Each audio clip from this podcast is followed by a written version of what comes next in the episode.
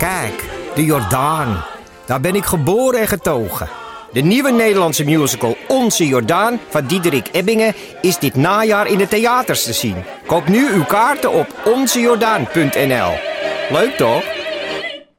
In de muziektheatervoorstelling Het Achtste Leven voor Brilka naar de wereldberoemde roman van Nino Haratischvili en in regie van Nina Spijkers vertelt hoofdpersoon Nitsa op meeslepende wijze met veel ironie en humor de dramatische geschiedenis van acht levens uit haar Georgische familie tussen 1900 en nu.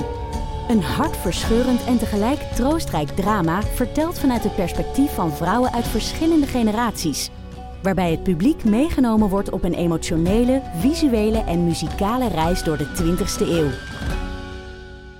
Koop je tickets voor het achtste leven via oostpol.nl. Oh ja, zal ik het dan heel energiek inspreken? Heb je het hier? Dus we beginnen we nu pas, hè? Hallo en welkom bij aflevering 317 van de Eeuw van de Amateur. De podcast over het leven en alles wat daarbij komt kijken. Met een licht neurotische inslag en een wapperende regenboogvlag. Wapper, wapper. Mijn naam is Ipe Mijn naam is Botte. en ehm, En deze keer...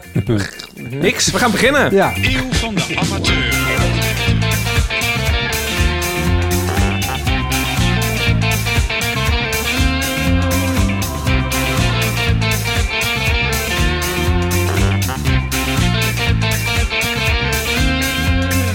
Pieper, jij bent naar de film geweest.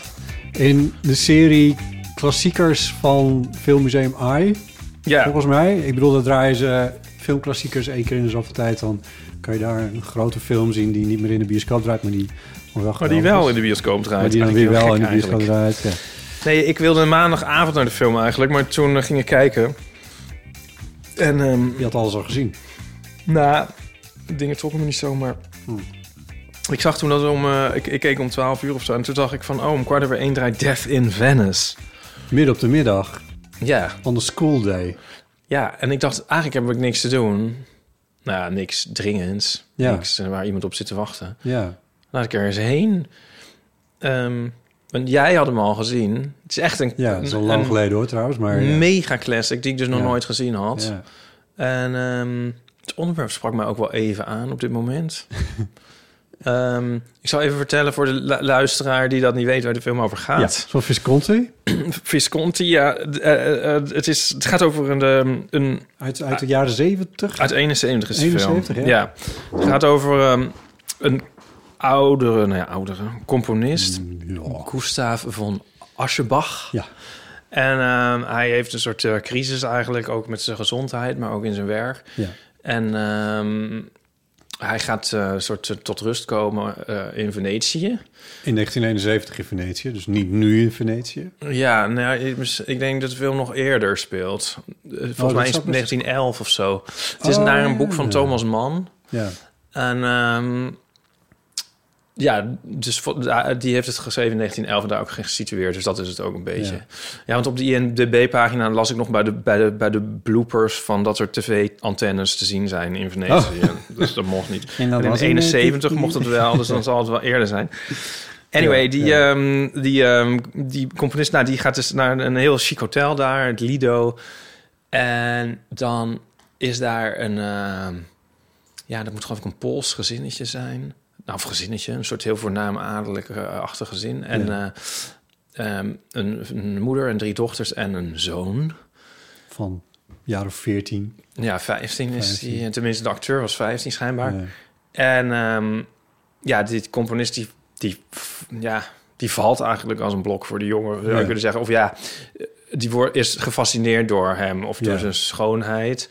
Of helemaal in de grip daarvan raakt. ja, want het is niet per se duidelijk of het nou een verliefdheid is in de film Nou, zelf. In, ja, want ik heb ook meteen een, do- een docu erover gekeken nog die avond. Ehm, Over, maar- die, over die jongen? ja? Oh, ja, maar daarover later meer. Maar die Visconti, die doet dus... Die was zelf wel echt zo gay als een schuifpaar. En Thomas Mann ook. Ja. Maar tenminste niet als een schuifpaar, maar wel... Die, Klapdeur. dus zoals het zegt... de Wikipedia zegt... worstelde die zijn hele leven met soort homoseksuele Ja, tendensen daar of lach ik zo. om, dat is natuurlijk niet leuk. Hè. Nou, nee, ja. Nou ja, god. Maar, ehm, Visconti zegt dan in die docu van... ja, nee, het is helemaal niet een eh, homoseksuele relatie. Het heeft helemaal niks met... ehm, het heeft helemaal niks seksueels of zo. Het is gewoon... Dat zegt Visconti in die documentaire. Ja, oh, het is gewoon de, de schoonheid. Ja, Ja, Ja. nou ja, dat denk ik van... I'm, I don't nou, nu die het zo buy that. expliciet zegt, dan geloof ik mijn eigen woorden ineens er niet meer zo. Als je het heel expliciet gaat zeggen, dan...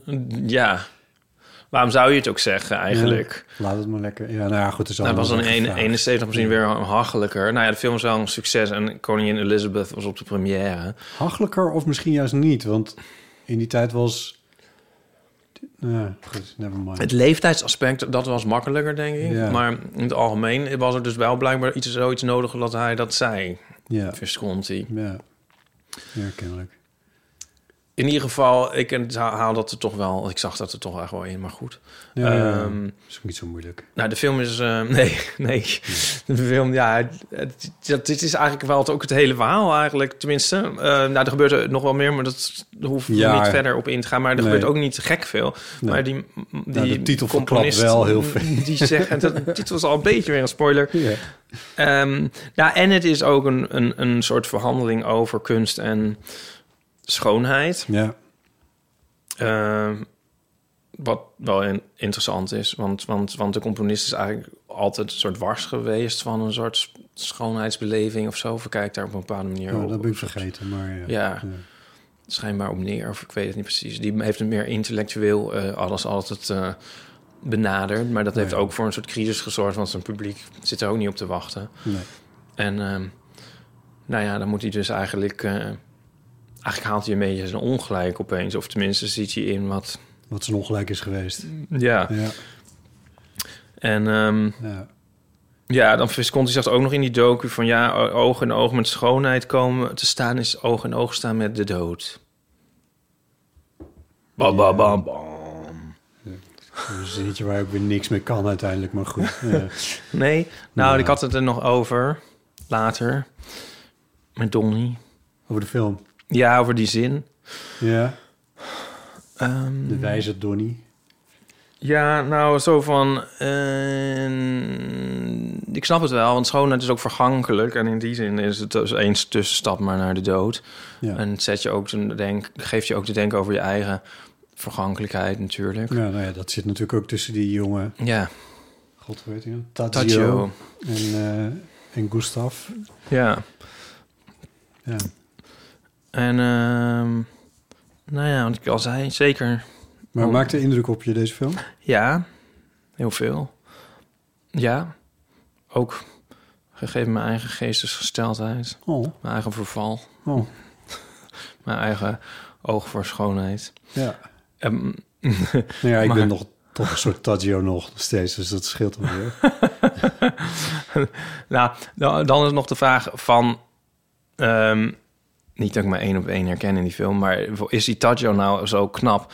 Want er is dus een, Ja. dat is dus, ja, het is nogal een, eh, het is ook een beetje potsierlijk in die film. Ja. Die Taggio, die is dus, dat is een eh, van oorsprong, de acteur is Zweeds, Björn Andresen, Ja. en hij, hij was dus 15 op het moment van de opnames. Eh, en er is een documentaire over gemaakt, The Most Beautiful Boy in the World. Je hebt het ooit zelf al een eeuw verteld. Toen had ik dat allemaal niet gezien. Maar Ja. het gaat dan over ja, wat er met hem is gebeurd... door in die film zo te verschijnen. ja, dus dit is in, ergens in, af, vijf jaar geleden of zo is dit een keer... Ja, pas twee of drie. Twee of drie jaar geleden, ja. Want inderdaad met een nogal eh, omineuze titel. Maar hij kijkt niet met heel veel plezier terug op het Nou, leven. ja. Vooral wat, wat hij dan... De filmopnames volgens mij nog wel. Maar wat er daarna gebeurde Ja, met hem... en hoe er met hem werd omgegaan... ja maar ik, ik vind eigenlijk... Ik keek dus die docu. Dan moet ik wel zeggen dat ik hem maar half gekeken heb.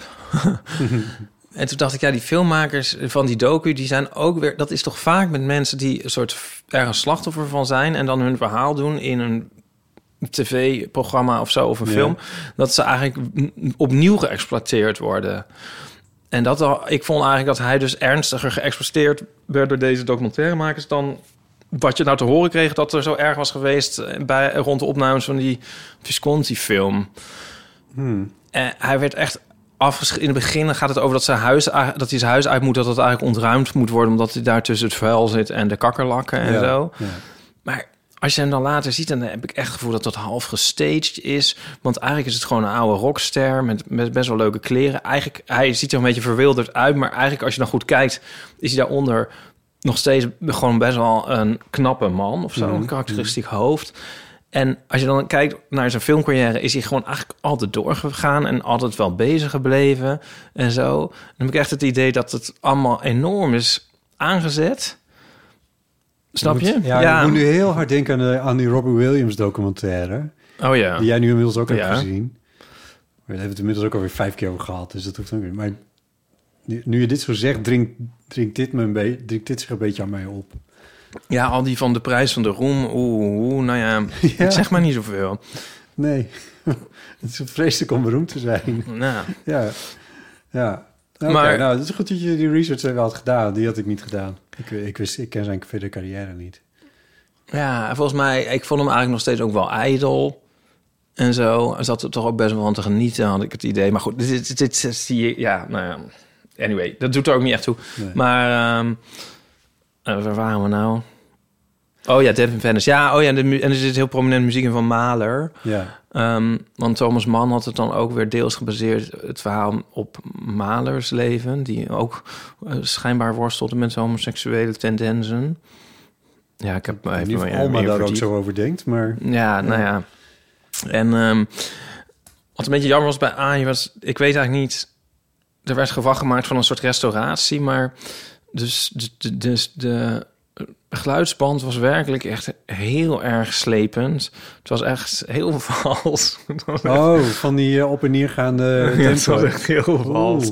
Oeh, ik weet niet. Ik dacht, nou, de Dat- soundtrack is niet gerestaureerd. Nee. My god. Oh, Ja, ja, dus je, je hoorde wel een heel wiebelige malers. eh, het was heel wiebelig. Oh, heel dat dunnetjes. Ja, dat dat. vond ik eigenlijk wel jammer. Ja.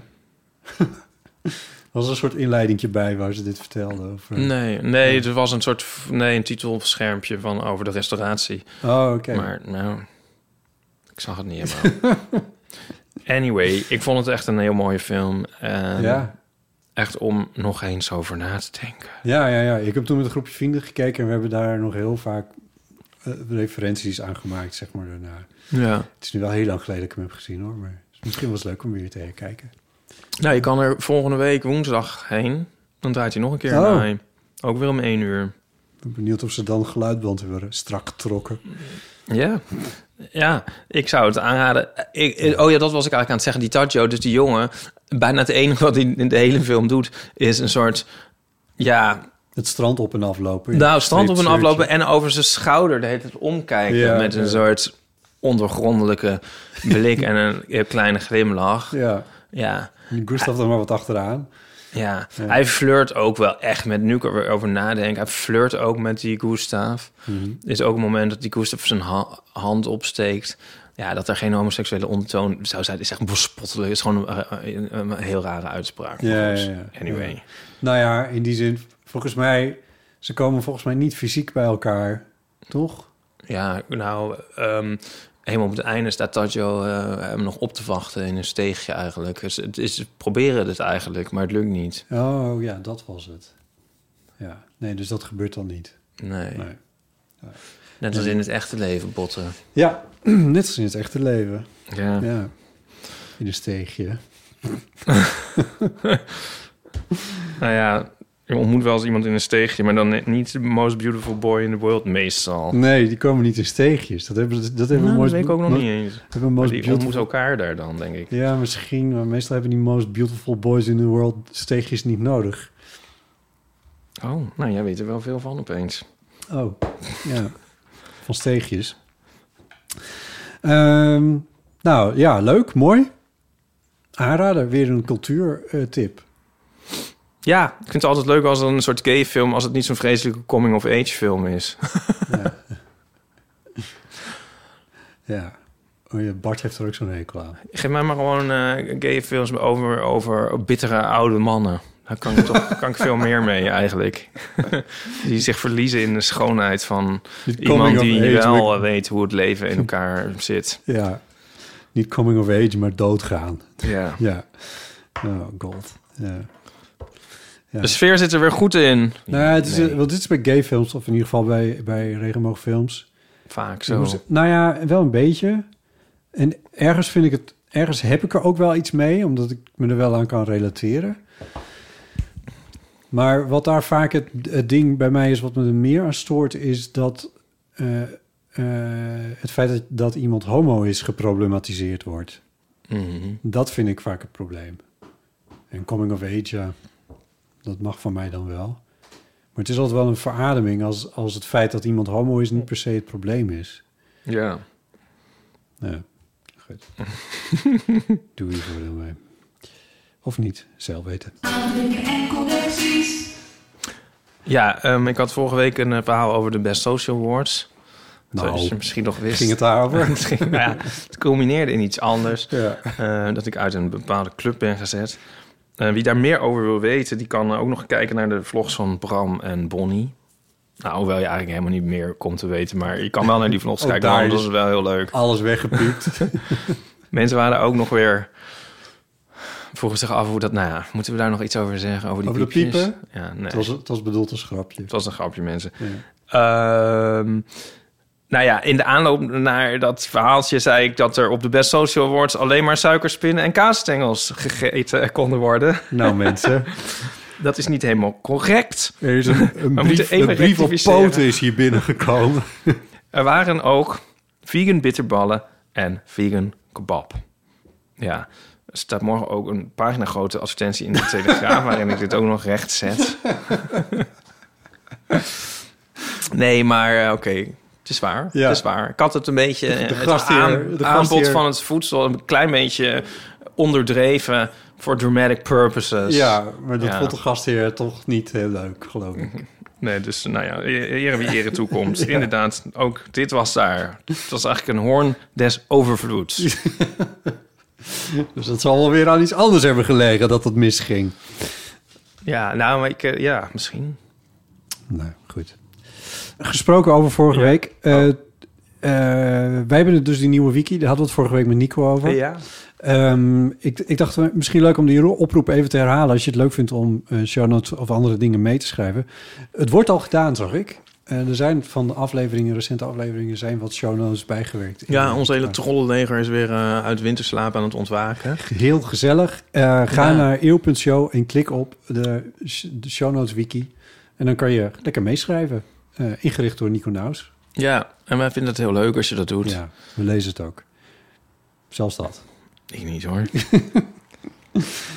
Ik was gewoon heel benieuwd of jij nog meer nieuws uit, uit Den Haag had. Omdat alles tot nu toe uitkomt. Tot nu toe komt alles uit. nee, ik heb, nee, ik heb mijn bron ook niet meer gesproken. nou ja, Hij is undercover gegaan. Of misschien is hij wel eh omgelegd of zo. Ik weet het niet. Ja, opeens is het helemaal... Die lijn is helemaal dood. Nee, ik weet het niet. oh dear. Ja. Jammer. Maar eh kon de... mm, Ja, want hij ging weer aan, aan tafel, maar toch weer niet. Dus ik weet het nog niet helemaal. Het is... eh, de- met deze formatie bedoel je? Ja. Ja, kijk, wij nemen dit dus op op eh, eh, deze week op dinsdag. Ja, te vroeg. Te vroeg. Eh, en als wij dan op, vrij, op vrijdag publiceren, dan is het zo raar om, om nu analyse te geven over iets. Ja. Maar Want ik kan ook helemaal niet nu vertellen wat voor Valentijnskaart ik dit jaar gehad heb. Maar dat is pas morgen. Ehm, maar goed, dat gezegd hebbende, dat wij dus eigenlijk te vroeg in de week opnemen om er iets zinnigs over te kunnen zeggen, vind ik het wel een vrij bespottelijke vertoning. En ik moet eerlijk zeggen dat ik dat ook in alle eh, commentaren van mensen van wie ik vind dat ze er wel wat zicht op hebben, ook teruglees van wat is dit voor ongelofelijke bespottelijke formatie.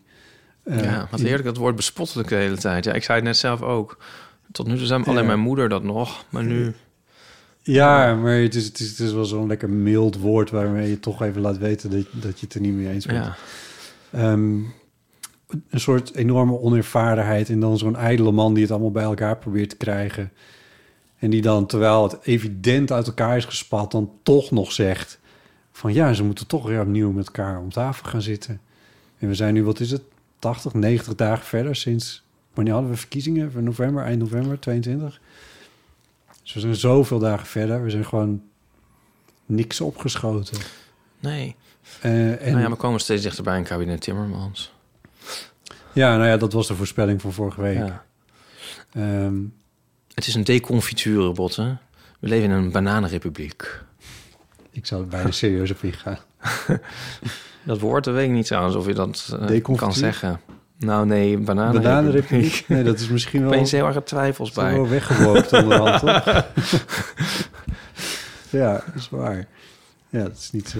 Ja, goed. Gelukkig gebruik ik het ironisch. Ja, nou, ik weet niet of je daar nog mee wegkomt. Zelfs dat is al... Dat is waar. Ja. Ik heb eigenlijk wel zin om dingen over de formatie te zeggen, maar het, ja, dit is misschien niet het moment of de plek of zo. Misschien moet je dat in podcasts doen die iets actueler lopen of zo. Ik weet niet. Ja. Ja, Ik vind het stom. Ik vind het heel stom. Ik vind het ook bespottelijk dat ze over de bespottelijk. Ik vind het heel stom dat ze over de, de grondwet gingen. En er werd dan nu ook nog weer iets over geschreven dat ze daarna na een maand of twee waren ze daar dan waren ze het eens over de grondwet. Toen dacht ik, Jezus, Jezus, Jezus, wat echt why? ja. Zo onnozel allemaal. Dries van Acht kon het ook allemaal niet meer aanzien. Nee. Oh, Maar eh, ik... weet je, want dat was, dat was euthanasie, hè? ja. Samen met zijn vrouw. ja, dat wou ik net zeggen, want ik las... Kranten stonden er vol van, de hele week lang, over hoe dat dan hoe Nee, ja, ik, doet. ik En- krijg dus... Dat heb ik al gezegd. Als je het nieuws dus niet volgt, dan krijg je het nieuws toch wel mee. Ja, En ehm, ik, ik zag zo die kop en toen dacht ik van... nou, dat is onhandig opgesteld, dat bericht. Van hij stierf sa- eh, samen hand in hand met zijn vrouw. En- ik dacht, jongen, wat is, wat is dat wat is dat voor kop? krukkig geformuleerd, zeg. Ja, Alsof zij ook dood is. En ja. Oh, ik weet zo, niet. ja. En toen zag ik het later nog een keer. En toen dacht ik, hè? Of, Oh, ze is echt of bedoelen ze dat ook Ja, echt? dat toen ging ik toch maar dat stuk lezen. Ik heb deze kop ook gezien en ik vond hem ook niet goed. Zelfs met de wetenschap dat ze samen gestorven waren, is het nog steeds een rare kop. Oh ja. Ja. ja. Maar het is echt zo. Nou, daar keek ik toch wel echt wel, weer even heel erg van op, moet ik zeggen. Ja, ja. Nou, ja, dit, dit- maar ik vind, het, ik vind het eigenlijk wel goed dat daar eh, nu... Ja, ik bedoel, ik, ik heb niet zoveel op met Dries van Acht. Want dat is natuurlijk een hartstikke conservatieve man. Even afgezien van dat hij wel weer progressief in de Israëlisch-Palestijnse kwestie stond. Maar ehm, dit doet hij dan toch maar mooi even. En hij laat het ook naar buiten komen. Ik bedoel, hij had het ook verborgen kunnen houden. Maar dat heeft Nou, maar zo eh ijdel was hij ook wel weer dan. Nee, was, hij was de grootste ijdeltuig in de rond zo ongeveer. Maar, nou, bedoel, zou die- maar ja. in, conservatieve kringen is euthanasie helemaal niet... Zeker niet in confessionele kringen is euthanasie helemaal niet zo algemeen Nee, geaccepteerd. klopt. Zelfs in Nederland niet. En, eh, en dat heeft hij dan nu toch gedaan. Hij heeft het ook op de kaart gezet dat je zoiets... Of op de kaart gezet, dat is ook wel een lelijke uitdrukking. Maar in ieder geval, het staat nu gewoon in de krant. Het is echt een influencer eigenlijk. Nog op late leeftijd geworden. Vlak voordat hij eruit eh, stapte. Ja, een eu- euthanasiefluencer. Ehm maar dat samen met zijn vrouw. Ja, ik vind het wel mooi dat daarover wordt geschreven. Een, een pil van 300. Ik vond een hele handleiding in de Volkskrant over hoe je dat dan kan doen. En, Echt? eh, ja, nou, Zo'n handleiding. ja, zo kwam het op mij over. Ik heb het stuk zelf verder niet gelezen, maar van hoe werkt dat dan in die categorie? Ze stond het dan met allemaal met We moeten wel nu telefoonnummers gaan verwij- ver- ver- vermelden nu trouwens. En eh, allemaal dingen eh, erbij gaan zeggen. over zelfdoding. Nu we het hier over hebben, ja. Maar goed. Maar euthanasie, ik bedoel, euthanasie is, euthanasie is Ja. kun je niet gelijkstellen aan. Nee, maar als je nou ook nog zegt van er staan allemaal handleidingen bij in de Volkskrant. Nou, ik over, ook overdrijf het Oh, ja. een beetje. Maar ik snap wat je bedoelt. Ik vind het helemaal niet erg om dat te doen, hoor. We Nee. kunnen gewoon Maar, 113.nl even vermelden. maar het is meer van... ehm, nou ja, ik heb ook wel eens een artikel gelezen over mensen die dit hebben gedaan. En maar de- dat het ook niet altijd... Is ook niet altijd roze geur en maneschijn. Wat? Zeg maar, dit kan ook... Ik heb wel eens een keer een Je komt er echt niet beter uit. Nee, nou, nee, maar mensen die dus samen... Dat vind ik het, het meest curieuze eraan namelijk. Ja, ja, Die dat het kijk ik niet zo van op. Nee, Maar echt met z'n tweeën. ja. En dan, en daar juist daar heb ik een keer een artikel over gelezen. Eh, dat dat dus ook, ja, dat van kinderen, bijvoorbeeld van mensen die dat dan hadden gedaan, die daar helemaal niet blij om waren. En die ook, of of een echtpaar, en die hadden dat ooit besloten. Maar toen was het soort, soort toen kon de man niet, eigenlijk niet meer verder. Maar de vrouw had eigenlijk nog wel zin. Die was dan toch in de ogen van de kinderen een soort half onder druk gezet om dit te doen of zo. En ook mensen die helemaal niet zo sereen eh, uiteindelijk werden aangetroffen. Maar ehm, weet je wel, Hmm. eh, tegenovergestelde daarvan zo'n beetje. Dus dat, nou ja, Maar denk artikel heeft dat toen wel, want dat het, ja, nou ja, dat heeft toch wel een soort indruk op me gemaakt. Dus dat Ja, ik denk dat van, ik. nou heb ik een neiging om dit er even bij te zeggen voordat Ja. mensen massaal met hun partner. eh, Maar dit is toch ook wel een gevolg van de taboes die hierop liggen, toch? Dat, dat hier eigenlijk nooit over wordt gesproken. ja, dat weet ik dus niet. Nee. Nou ja, ik vond dit... Ik bedoel, dit heeft natuurlijk een zekere... Vannacht heb ik het over. eh, heeft een zekere romantiek in zich. Eh, een soort Romeo, Romeo en Julia-achtige situatie zou je erbij kunnen voorstellen. Van, we kunnen niet verder, dus dan gaan we samen maar. Ik bedoel, dat liep anders bij Romeo en Juliet, maar... ehm, maar er zit een zekere romantiek in. Ik, ik, ik kan me er ook wel weer iets bij voorstellen. Ik denk dat het niet per se leuk is om alleen over te blijven. Als, eh, als, Mhm. als je partner eh, doodgaat. Ehm, maar als je nog helemaal goed bent en je hebt nog dingen om voor te leven... dan is- is het natuurlijk ook weer raar om het dan weer wel te doen. Dus de situatie die jij beschrijft, dat, dat klopt dan ook weer niet. Er is ook iets niet goed afgesproken of zo. Nee. Dus ja, Ja, nee. Nee, Ja. tuurlijk. Maar ehm, ja ik, ik ben in ieder geval wel...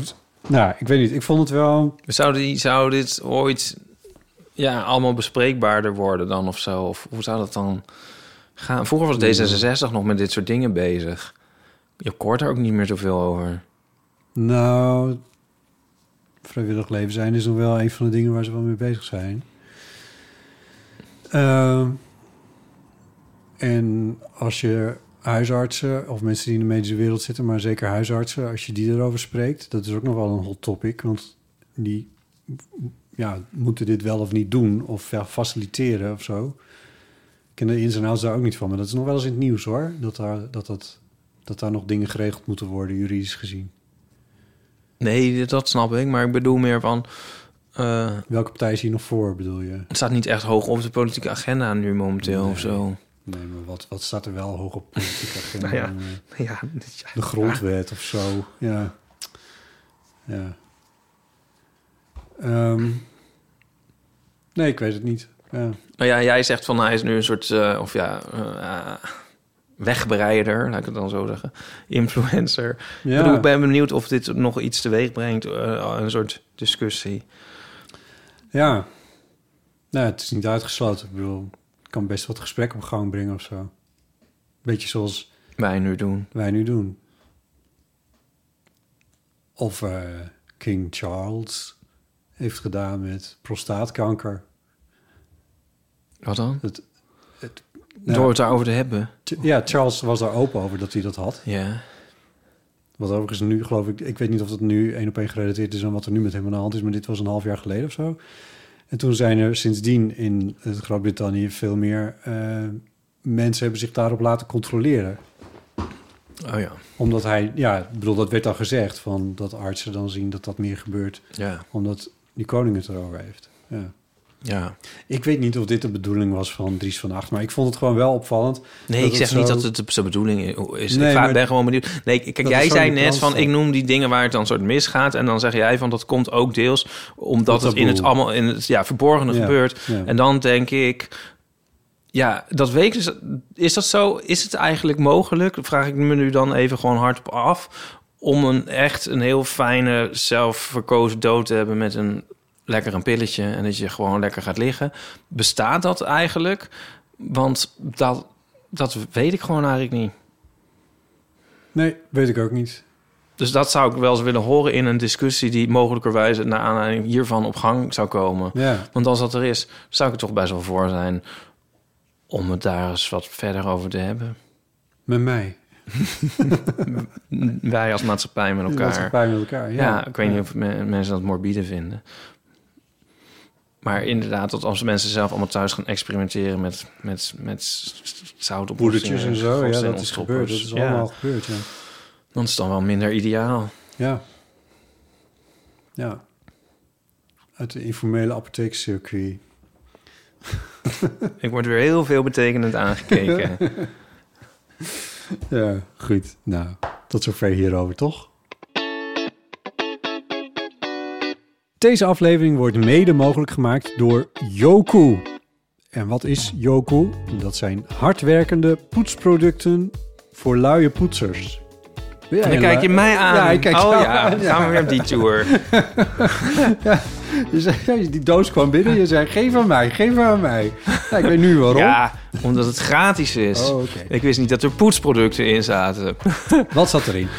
Yoko is een Belgische start-up met probiotische schoonmaakproducten. En het is eh, opgericht door bio-ingenieur Joris Jansen. Tijdens zijn onderzoek voor zijn masterproef eh, ontdekte Joris dat bacteriën ideale schoonmaakhulpjes zijn. En dat was een bevinding die hem goed uitkwam, aangezien hij zelf niet zo van poetsen houdt. Nou, en nu heeft hij Yoko uitgevonden. Ibe, wat heb jij in die doos eigenlijk aangetroffen? Nou, van alles en nog wat. Eigenlijk ja, heel veel verschillende schoonmaakproducten. Maar ehm, ja, het idee is dus dat de Joku-producten eh, vol met probi- probiotica zitten. Ja, En dat zijn goede bacteriën. goede bacteriën, miljarden. Ja. En ehm, die gaan dan eigenlijk door met schoonmaken nadat jij bent gestopt. Dus je, Ah. je, je verspreidt die eigenlijk door het huis. En die doen dan hun werk. Juist. Ja, ik heb een soort zeepdispenser gekregen. En, dan en daar kan je dan een, een tablet in doen. Ja. En gewoon water. Oh, En die zeepdispenser is van glas. En dan, dan, dat wordt dan zeg maar zeep. een soort handzeep of zo. Ja, maar dan hoef je dus niet elke keer een hele nieuwe verpakking. Ja? Maar dan kan je gewoon weer een nieuw ehm, tabletje Oh, daar. dat is een heel doen. goed idee. Dat Ja. scheelt in heel veel eh, transportkosten en Ja. weggooikosten. Ja. En ehm, eigenlijk volgens hetzelfde principe als net die, die zeepdispenser ook voor een ehm, soort schoonmaakmiddel. Gewoon voor alle glanzende oppervlaktes. Ja. Ja. En, en ja, ik bedoel, ja, werd het schoon? Dus het is een rare vraag en ook weer niet. Maar Ja, nou ja, ik ben dus wel een luie poetser, wat jij al zegt. Nou, of luie poetser. Ik bedoel meer dat ik het niet zo vaak doe. nee. Dus dan is het wel handig, als je het doet, als het daarna nog heel lang doorwerkt. Ja, ja. Ja, Nou, maar kreeg je een soort van fris idee van, eh, zeg maar, van wat er al... ja het, Het, het, het, ruikt niet heel sterk, wat ik wel prettig vind. Ja. Nou ja, wat, wat, wat die Joris Jansen dus zegt is van, van steriel is onnatuurlijk. Nou ja, dat fenomeen eh, kennen we. En dat, en dat was ook veel discussie over toen we steeds onze handen moesten wassen. En, en allemaal van die, eh, hoe heet het, die handgelproducten kregen Ja. in de coronatijd. Van ja, dat is ook niet per se helemaal goed om alles maar... Ik bedoel, die virussen moeten dood, maar alle bacteriën, dat is misschien niet zo verstandig. Ehm, en daarom zegt hij, met Joki breng je dan, nou wat je zei, die eh, 1 miljard eh, levendige poetshulpjes vanuit het bos, dus daar komen ze kennelijk vandaan, eh, tot recht bij je thuis. En dat is 100% natuurlijk. Met Joko poets je hand in hand met de natuur. De bacteriën werken langdurig tegen vuiltjes, tegen stof en geur.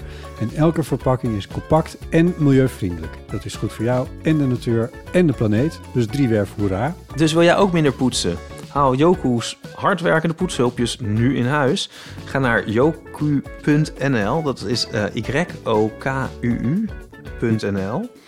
En gebruik de code amateur voor 20% korting op je eerste bestelling. Door met de podcast. Je had nog een podcast tip. The Bad Gays. Ja. Die ken ik. Die had uh, Manoy mij een keer aangeraden. Oh, sorry, ik dacht dat je weer... Ik, we zitten in een ding even, zeg ik voor de luisteraars... dat ik de hele tijd niet weet of Botte mij aanspreekt in de podcast... of buiten de podcast om. ik dacht dat het weer een soort agendabespreking was. Maar je bent gewoon door, Ik ben- eh, ben door het met echt. de podcast. Ja, door met de podcast. we zitten nog in de podcast. Ja. Ik had een podcast tip, ja. Bad Gays, maar jij kent hem. Nou, niet maar, maar ik ken hem. Ja. Uh, en dat was omdat er één aflevering was. Manoy wees me erop. Um, ik ben kwijt wie dat nou was, maar in ieder geval ook bijvoorbeeld Pim Fortuyn is door uh, Bad Gays uh, besproken. Mm -hmm. Maar leg even uit hoe je erop kwam en waarom je het een tip vindt. Nou, via Manoy. Oh, het was een tip van Manoy. Manoy tipt hem ja, aan iedereen. Ja, het is ook een hele leuke podcast. Um, oh ja, wist ik er nou maar meer over te zeggen. Ze bespreken dus controversiële figuren ja, soort gay ja. mensen uit de geschiedenis. Van ja. Alexander de Grote tot, nou ja, meer recente mensen. Thomas Mann. En dan... Um... ik, weet niet, ik weet niet hoe bad je moet zijn. Nou ja, op maar het, het einde is, wel... is dan, gaan ze dan een soort oordeel vellen van... is ja, diegene precies. dan bad? Ja, ja. Nee, want Pim Fortuyn werd ook besproken. Ik ben het oordeel daarover ook uh, vergeten. Maar ik moet eerlijk zeggen dat ik wel dacht... oh, dit is controversieel. Dat je Pim Fortuyn een bad gay noemt. Daar ben ik toevallig, uh, heb ik een eerste kwartier van geluisterd, maar ik weet eigenlijk wel zeker dat dat gaat eindigen als bad gay. Ja, ja. ja. Want man, in het aanloopje. Ja. Oh, de nieuwste is Carol Lagerveld, zie ik nu. Oh. Nee, ik heb eerst geluisterd naar, nou ja, Ernst Reum. De, de, de SS eh Oh ja, Of de SA. dat... eh, de SA. Het waren beide geen lievertjes. Maar ehm, ja, oh, je denkt dat hij... eh, dat Die is wel bad, denk ik. Dat is wel een heel interessant geval, omdat hij, omdat hij eigenlijk openlijk homoseksueel was. Mhm. En ehm, toen heb ik naar Morrissey geluisterd. Oh, Daar kan ik nog iets later nog iets over zeggen. Ik heb, controversieel. ik heb die van Francis Bacon geluisterd. Ik luister eigenlijk altijd dingen die ik dan al weet eerst. Oh ja, Die van Francis Bacon vond ik erg leuk. Daar waren ze nog mild over eigenlijk. wie is het ook weer? Sorry. Die schilder. De schilder Oh, ja. met, die, die, met die van die triptieken van getormenteerde mensen met heel veel tanden en zo. Ja. En die Ja. van pauze in een kooi en zo. ja. Ja, ehm, ik vond het daar, daar nog redelijk mild over. En ik heb die geluisterd over Bosie, Lord Alfred Douglas, de minnaar van Oscar Wilde. Hm.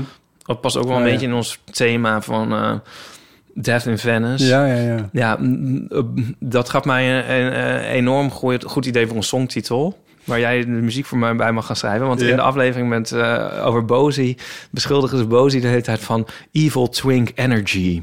Oh, wauw. oh, die is goed. Dat is een goede songtitel, hè? Ja, Evil die is heel Energy. Oh, wat heerlijk. Ja, nou dat had hij ook wel. Moet het niet de titel van deze aflevering worden? Evil Twink Energy. Nou, Ja. dan wordt Nico kwaad, want we mogen, het, mogen het woord van... Het twink mogen we niet meer gebruiken. Oh, hoe werkt ja. dat? Ja, dat mag niet meer van, van Nico. Ik weet niet precies waarom. Ik heb geen zin om zijn argumenten daarvoor te herhalen. Oké. Ja, over Bozy was ook nog een soort... Nou, ik kan me ook even niet herinneren of ze die... Kijk, dat is ook niet de grootste misdadiger van de, uit de geschiedenis. Nee. Maar goed, ook niet echt een leuk... Ja, Evil Twink eigenlijk, dat is hij. Ja. Ehm, maar Morrissey had ik toch... Wat ik bij Morrissey gek blijf vinden van critici... is dat ze een bepaalde songtekst tegen hem gebruiken. Want over Morrissey kun je echt wel iets lelijks zeggen... Ehm, over uitspraken die hij doet in interviews en zo. Ja, dat, daar zit het probleem, toch?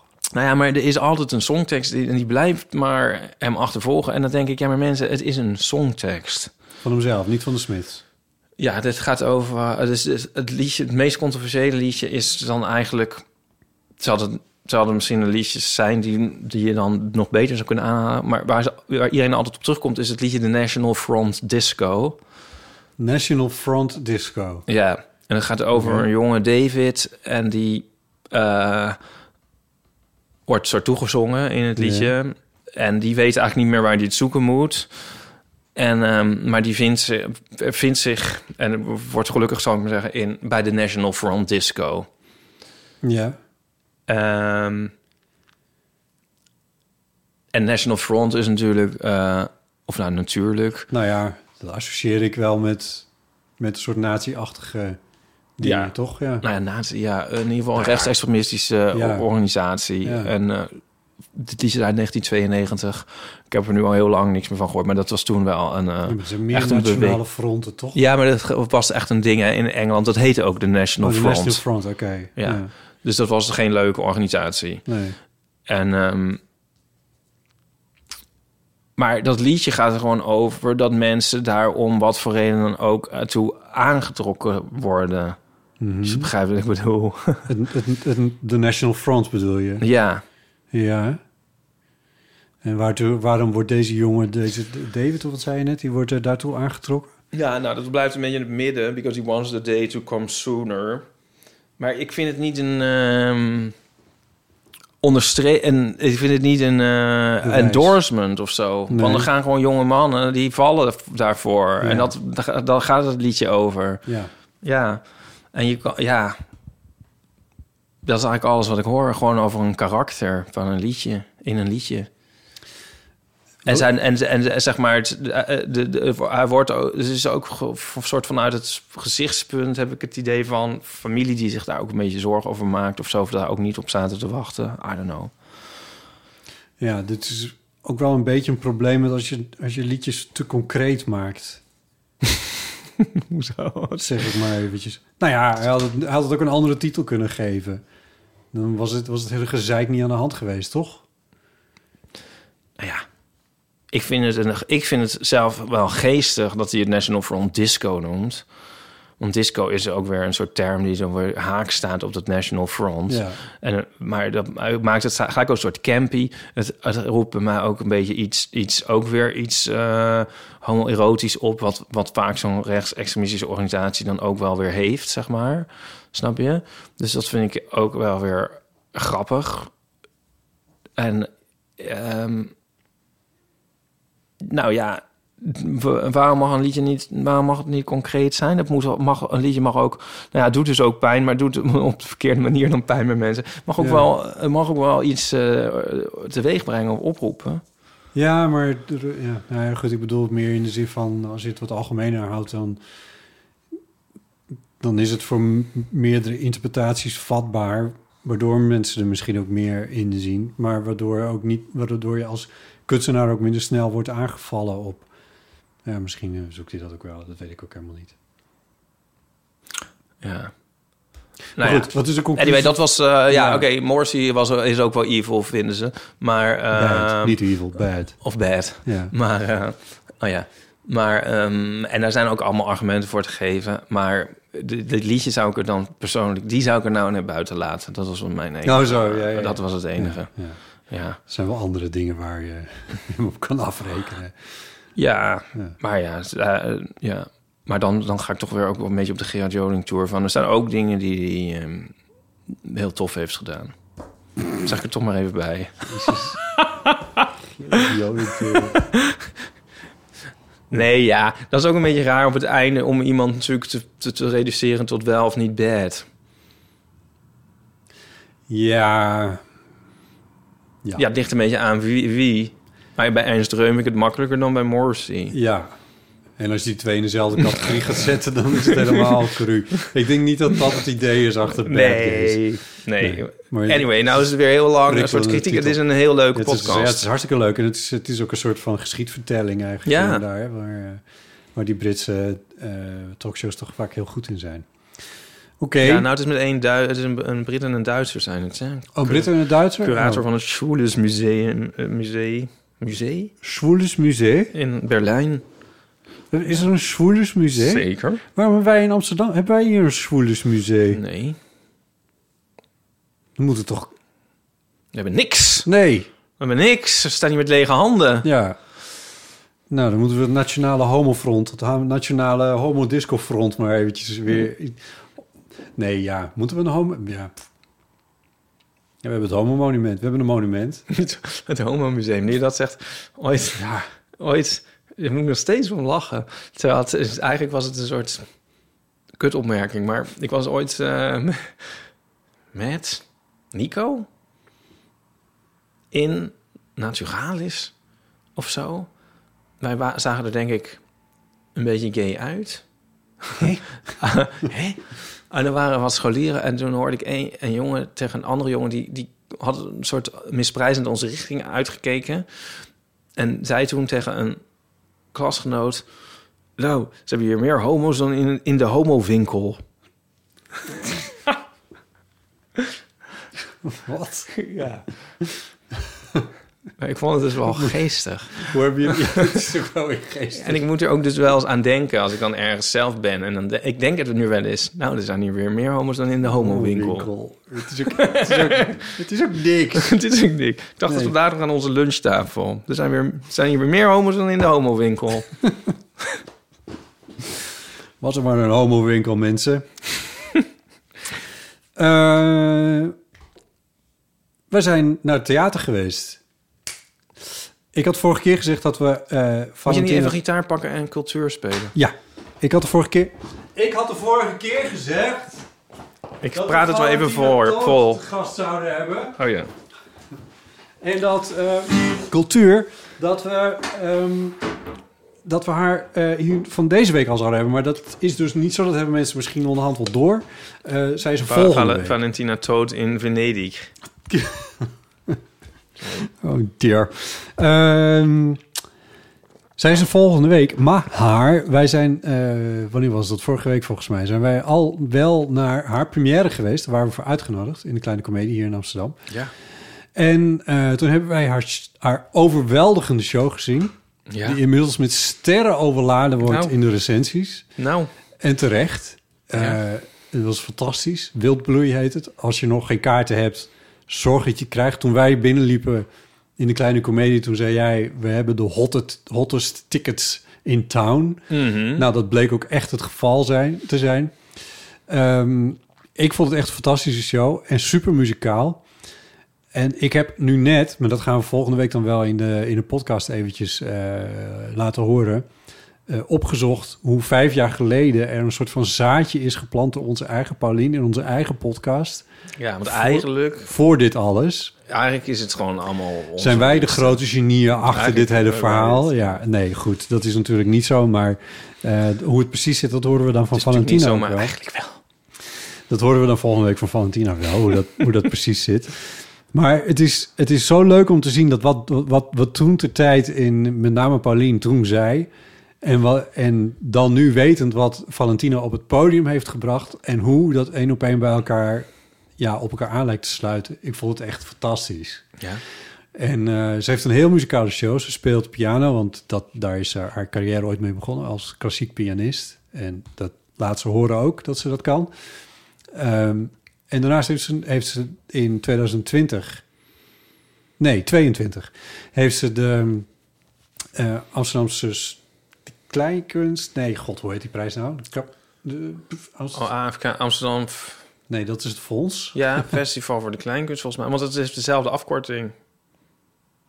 Het Of is het AKAF? kleinkunst- Weet ik veel. Jezus, hoe kan ik dat nou ineens doet het er ook toe? Ja. Een van de Nou, festivals ze heeft gewonnen. maar ook met, met, met publieksprijs en juryprijs. Eh Amsterdam Kleinkunstfestival, dat is hem. AKF Ehm, dan. ja. Oké, Ehm, whatever. ja, het, Amsterdamse Kleinkunstfront heeft gewonnen. Amsterdamse Kleinkunst. nou goed, anyway. De, nu, en dat was dan, dit wat wij nu hebben gezien, is dan de, de avondvullende voorstelling eh, die zij eh, heeft gemaakt. Ik vond het fantastisch. Echt een, echt een dikke aanrader eh, om die show te kijken. Het is een hele dikke aanrader. Dikke aanrader, gadver. Ja, Dikke aanrader, gadver. ja. ga mensen. Ga, doe jezelf een plezier en ga naar deze voorstelling.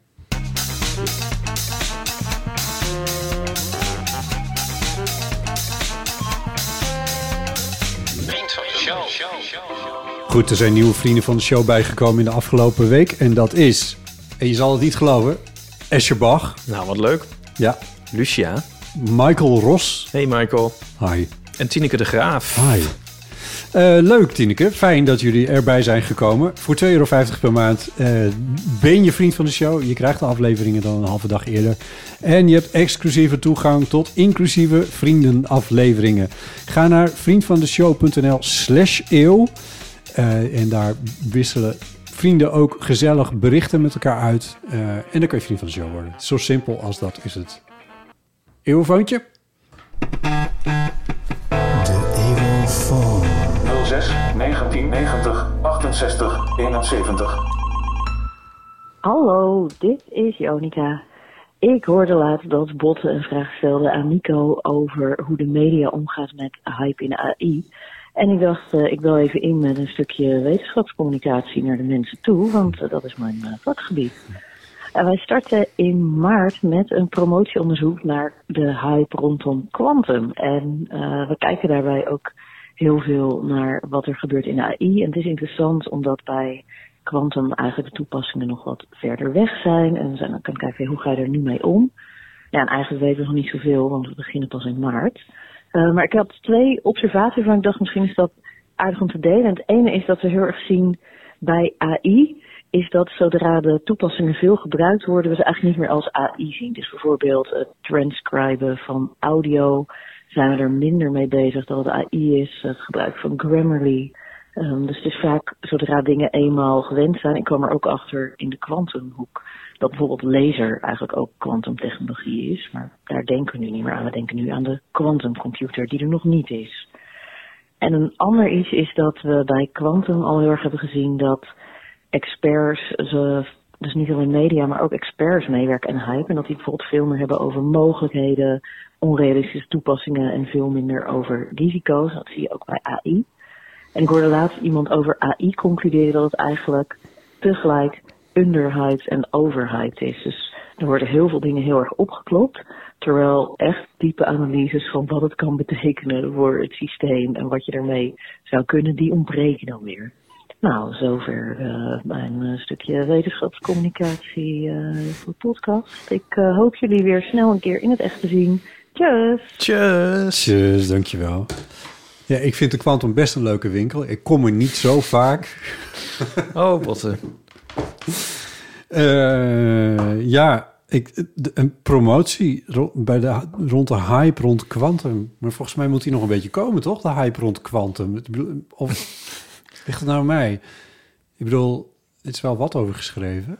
Al, maar Ik, ik, ik, ik, ik, ik weet even eigenlijk helemaal niet... wat het is. Nou ja, quantumcomputers gaat het vaak over. Ja, ja. Of vaak. Ja, ik sla het altijd een beetje... Oh, oh jezus, het klinkt nu echt heel dom. Is er een hype rond quantum? ja dat, dat zeg ik net. Van, ik, ik weet niet zeker. Ik lees de krant niet. Ja. Definieer hype ook maar eens. Nou, Jonica, bel gerust nog een keer in. ja. Echt een, de precieze... Nee, ja. eh, oh ja, maar dat over AI, dat kan ik wel beamen, ja. Overhyped en underhyped bedoel je? Of, Nou, vooral Dat ook het- dat eerste van dat als het dus iets eenmaal dan gelukt is, dan is, zien mensen het niet meer als AI. nee. En eh, dat, dat is ook wel, ja. Dus mijn studie, alles wat ooit mijn studie was, dat zien mensen dan ook echt totaal niet meer als AI, want dat is allemaal gewoon binnen. Is, heeft dat dan ermee te maken dat, denk je, dat... ehm, dat, dat het grote publiek, of wij, hoe je het wil noemen... eh, AI zien als iets wat we toch eigenlijk niet helemaal begrijpen... en een beetje eng vinden... Maar dat we transcripties van, ehm, van gesprekken die we hebben opgenomen... dat we zoiets al heel normaal vinden, dat is niet eng. En dan hoeven we het ook geen AI meer te noemen. AI is ook ehm, een, op zich een slecht omschreven, of ja, slecht omschreven, een vage term. Ja, Het is een soort nabootsen van intelligentie. Ja, dat, dat kun je heel veel, kun je dat noemen. Mhm. Het is ook maar net, ja, het is ook, het is ook wel dus die aflevering vorige week. arbitrair wat je eronder schaart. Ja, Maar, maar het soort, soort feit is dat, dat, dat er heel veel AI-onderzoek was gericht op allerlei dingen. En dat, en dat gaat dan nu heel goed. En dan inderdaad denken mensen van, hoezo is dat AI? Want AI zien ze dan als iets, iets magisch, inderdaad. ja misschien is het ook, want, want wat ik net zei is dan hè, dat we er bang voor zijn. En als we er niet meer bang voor zijn, dan... Ja, bang weet ik niet of dat Nee, per se want er zijn. is nog iets, wat is nog een ander effect. Dat hebben we bij blockchain hebben we dat ook heel erg gezien.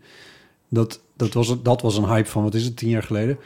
Eh, dat werd ineens overal opgeplakt. Zoals we dat nu met AI eigenlijk ook een klein beetje zien. Hè? Wat ik vertelde over dat mijn boekhoudprogramma ineens...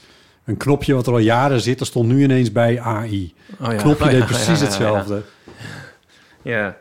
Namelijk bonnetjes lezen, een foto van een bonnetje kunnen lezen... en daaruit opmaken wat de BTW, Ja. et cetera. Ja, Maar bijvoorbeeld een robotstofzuiger of zo, dat is dan een soort AI. Als je, Ja. Of soort. Dat, dat is eigenlijk, ja, dat Dus is, nou is is, een maar goed, het is van, nou, ja. simpel. Dat Mooi. was niet, ja, dus als je echt een, een mapping maakt van je huis en zo en eh, zelf gaat besluiten wanneer die gaat en eh, dat op een efficiënte manier doet en allemaal dingen vermijdt en zo. En dan denken mensen, ja, dat kan die toch gewoon? Ja, wel, hoezo? Dat is dan toch gewoon technologie? ja precies. En dan willen ze eigenlijk dat hij ook nog tegen je gaat praten of zo. En vraagt van, nou, hoe maak je het vandaag? En eh, je ziet wat bleekjes of zo.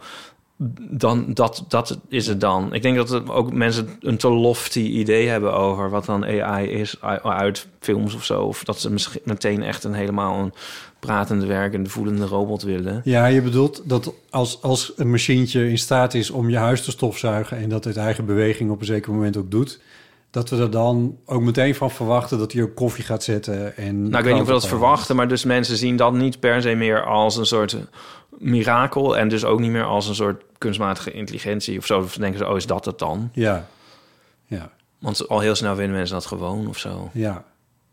Is dit voor jou, van jou dan een soort pleidooi om dat toch AI te blijven noemen? Of, ja, nou, ik denk dat mensen die daarin werken, die blijven dat wel zo zien. Ja. Dat valt er gewoon onder. Maar het is wel, het is een beetje arbitrair wat dus AI... Ja, ik bedoel, ja, iedereen mag, het, mag er iets anders onder verstaan. Ja, nou ja, het is nu alle, wat is het inmiddels? Een jaar, eh, anderhalf jaar? Zien we het als een machientje op het internet dat antwoorden geeft op vragen die we stellen? Ja, dat zo zien mensen het nu. Maar bijvoorbeeld Ja. gezichtsherkenning of zo, dat is ook AI of zo. En spraakherkenning en zo. En al die dingen, inderdaad, die tran- tran- transcriptie Ja, dingen. Dat was meer waar, waar het onderzoek zich ook op richtte destijds, toen ik studeerde. En als dat dan binnen is. Maar ook, ja, de- ah, weet ik veel, gepersonaliseerde advertenties zijn het eigenlijk al. ja, ja. Ja, dat, die algoritmes die Ja. daarachter zitten. Nou ja, dat is wat jij vorige week volgens mij ook zei. Of jij en Nico. Van ja, het is gewoon berekeningen, statistische berekeningen op databases met, met, met heel veel gegevens. Ja, dat denken we. denken. Maar het is ook nog andersom. In films zie je dan altijd dat er dan juist heel geavanceerde... zeg maar dat je dan helemaal robots hebt. Dat ergert me altijd in, in science fiction. Dan heb je, dit heb ik ook al eens vaker gezegd... dan heb je zeg maar een, een robotkind of zo... die alles helemaal, die eigenlijk niet van echt te onderscheiden is. Ja, En dan doen in die films doen mensen toch nog heel bits en naar er tegen. Zo van, eh, nee, die is niet echt. En dan denk ik altijd van, nee, zo zal het niet gaan. Want ik weet zeker, als dus de robotstofzuiger echt straks aan je vraagt van hoe was je dag en zo. En als je dan zegt, nou niet zo goed. Dan wordt het wezentje van, je, maar ga even zitten dan en dan Ja. eh, hebben we het er even over. ja. Nou, dan, dan ga je echt, dan gaan mensen daar gewoon niet kut tegen doen. Dan gaan ze echt niet die met een hamer dan vervolgens kapot slaan en uit het raam gooien. Nee, want het wordt een soort wezentje dan voor Ja. je. Ja, Dat weet ik zeker. ja. Zeker als je op een Furby lijkt. Dan helemaal. Ja, maar dit is toch al een paar keer geprobeerd. Je had die, hoe, dat, heette dat ding uit Japan ook? Dat was ook zo- zo'n zo'n zo'n zo'n zo'n schattig robotje. Kon niet zoveel, maar het kon wel een beetje. Nee, maar het was met de Tamagotchi al, dus dat men, Ja. die, hoe weinig die ook kon. De mensen die gingen begraven in een, in, een- in een grafje, omdat ze er daaraan gehecht waren. Als ze hem dood Ja. laten gaan door niet op tijd ja, eten kun je nagaan. Ja. Ja. ja. Maar ja, dat is een beetje... We zullen zien. Ligt er natuurlijk aan hoe goed het is, hè. Als die, maar ik denk dat dat al... ja, maar er gaat denk- natuurlijk op een gegeven moment een heel goede komen. Er gaat denk ik wel een goede robotstofzuiger komen... die ook even vraagt hoe je dag was... en of je nog iets wou drinken. Ik kan niet wachten. Ja. Ja. Nou, ik ben heel benieuwd. Gun het je zo, botten. Ja. ja. Ja, nou, het klinkt wel gezellig. Zo bedoel ik het.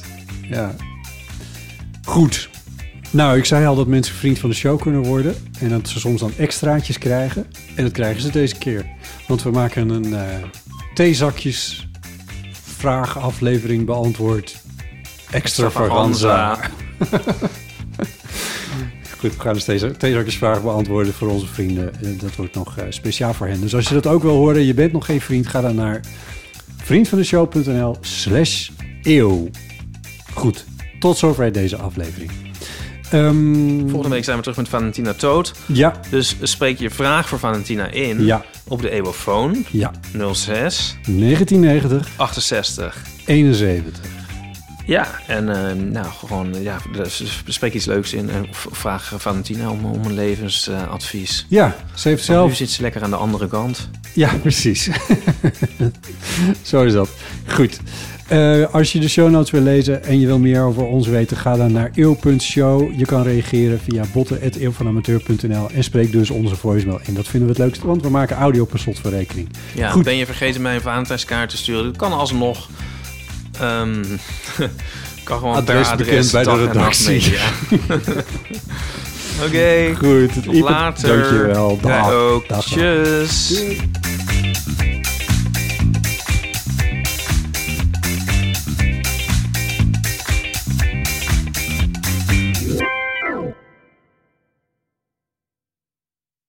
Nog even over die grootse en epische muziektheatervoorstelling. Het achtste leven voor Brilka is een marathonvoorstelling van 5 uur. Koop je tickets voor deze bijzondere theateravond via oostpol.nl.